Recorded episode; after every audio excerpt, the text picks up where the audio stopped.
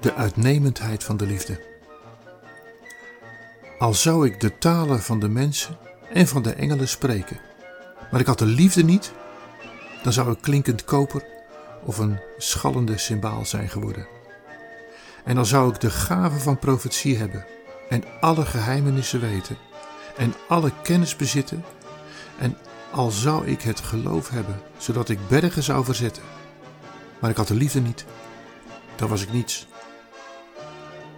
En al zou ik al mijn bezittingen uitdelen tot levensonderhoud van de armen, en al zou ik mijn lichaam overgeven om verbrand te worden, maar ik had de liefde niet, het baatte mij niets.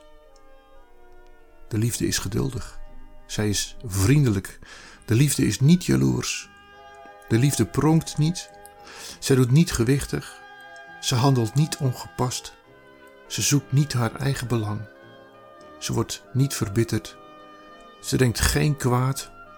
Ze verblijdt zich niet over de ongerechtigheid, maar verheugt zich over de waarheid. Zij bedekt alle dingen. Zij gelooft alle dingen.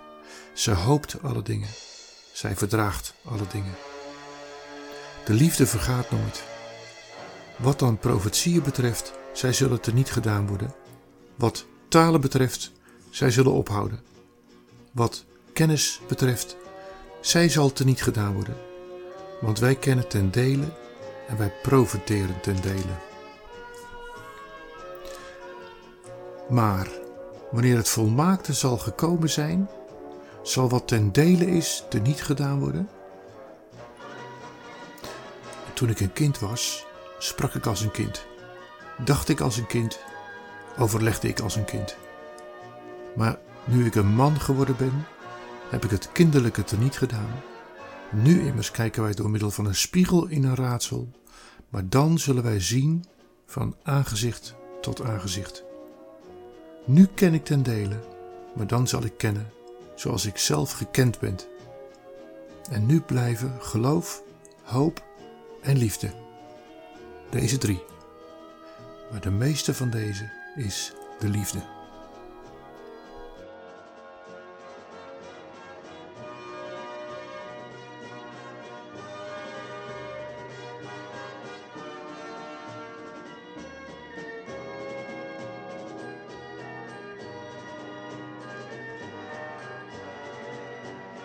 Wat je op de achtergrond voor muziek hoort, is gemaakt op basis van het beroemde boek van Miguel de Cerval. Een prachtig boek over een vernuftige edelman. Een man die niet begrepen wordt en zijn eigen strijd voert. Tegen windmolens weliswaar, het is een oud gezegde waar dit boek op gebaseerd is. Maar er is meer. Het is een verhaal van toewijding, van onbaatzuchtige liefde en van de passieve agressie wat liefde heet. Daarom begon ik dit met een deel uit de Bijbel. Uit de eerste brief van Paulus aan de gemeente in Corinthië. Dat is ook poëzie. Wereldberoemd geworden om de hartstocht, de bekoring en soms onbegrepen pogingen om van hart tot hart te kunnen spreken.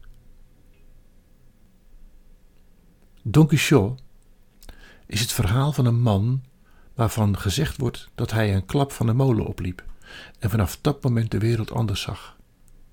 Het begon met een scheerkom die hij ineens als een gouden helm zag. Zijn knecht werd zijn wapendrager, zijn Sancho, een man die eerder als zwak begaafd dan wijs wordt beschreven, maar zijn werkgever, Don Quixote, ziet een wapendrager en een eer om hem in dienst te hebben. De reactie van Sancho?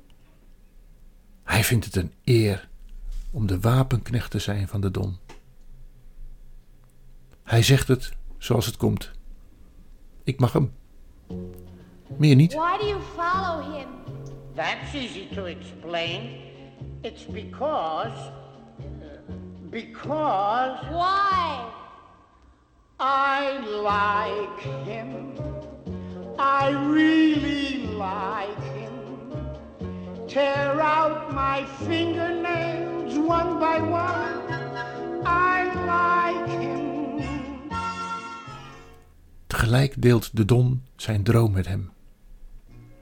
De onmogelijke droom te dromen. Om de onverslaanbare vijand te verslaan. Te verdragen met ondraaglijk verdriet. Om te rennen waar de dapperen niet durven gaan.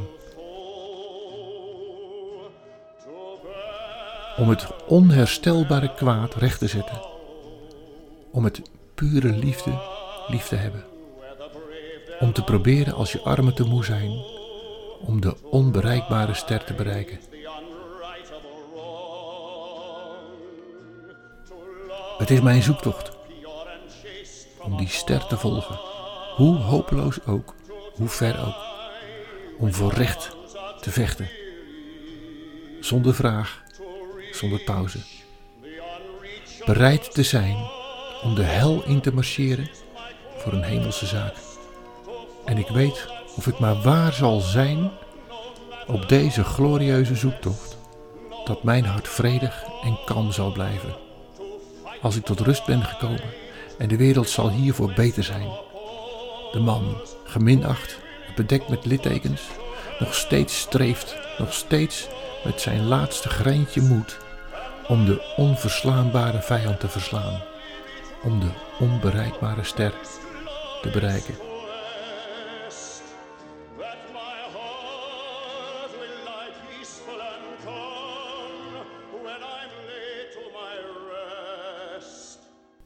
Zijn wapendrager, Sancho, hij begrijpt het niet. Maar wat doet het ertoe? Ik mag hem. En dan ontmoeten ze Aldonzo. Een vrouw verwekt tijdens de nachtelijke avonturen, tijdens de oorlog. Twee mensen die elkaar nauwelijks kennen. Daar wordt Aldonzo uitgeboren. En als oud vuil weggegooid en als een kind zonder liefde opgroeit. Het enige wat ze aan liefde kan ontvangen is de betaalde liefde. Gooi een munt naar me, dan zal ik je laten zien wat ik kan. Harteloos, liefdeloos en vernietigend.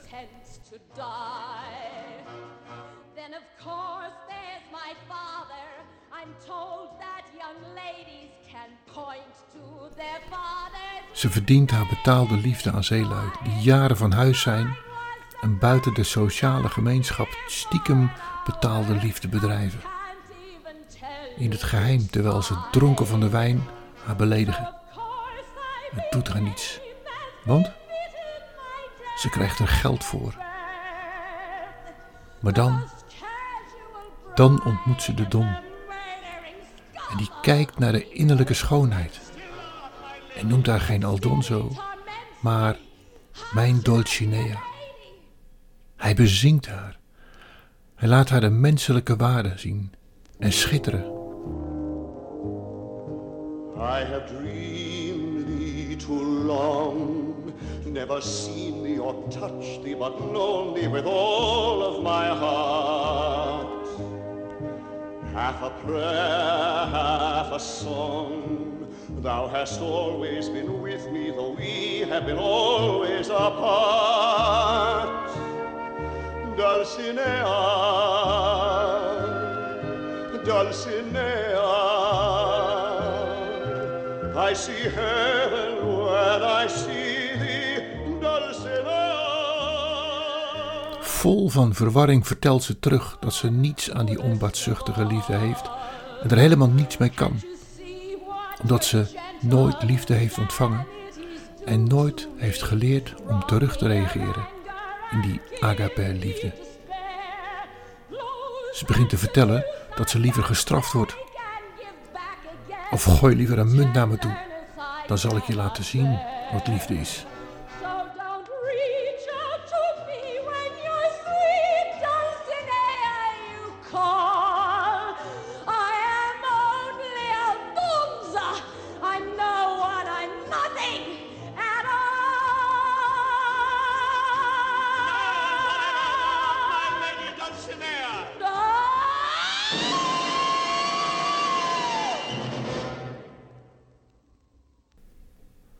Dat krijg je van agape liefde.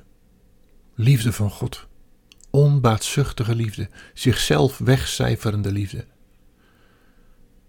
Als wij, mensenkinderen, niet gewend zijn om liefde te ontvangen, hoe kunnen wij dat er nooit geven? En boven alles, als wij Gods liefde accepteren, krijgt het een heel ander verhaal. Dat is AKP-liefde.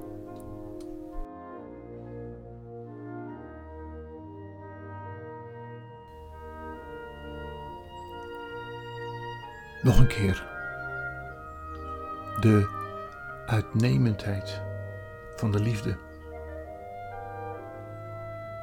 Al zou ik de talen van mensen en van engelen spreken, maar ik had de liefde niet, dan zou ik klinkend koper of een schallende symbaal zijn geworden. En al zou ik de gave van de profetie hebben en alle geheimenissen weten en alle kennis bezitten, en al zou ik het geloof hebben, zodat ik bergen zou verzetten, maar ik had de liefde niet, dan was ik niets.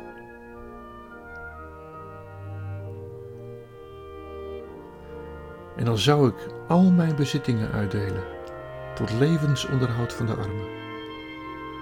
En dan zou ik mijn lichaam overgeven om verbrand te worden, maar ik had de liefde niet. Het baatte mij niets. De liefde is geduldig. Ze is vriendelijk. De liefde is niet jaloers.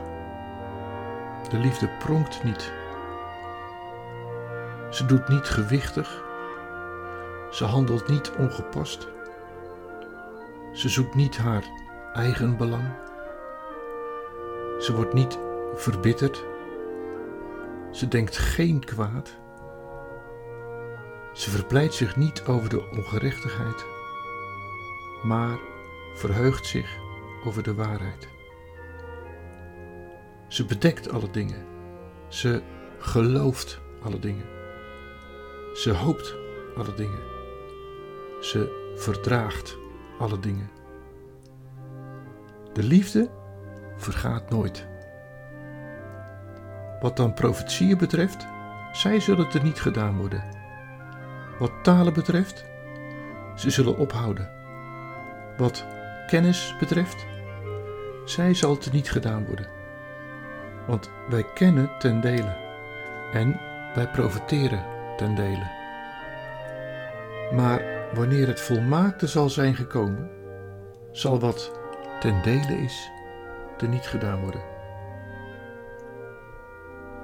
Toen ik een kind was, sprak ik als een kind, dacht ik als een kind, overlegde ik als een kind.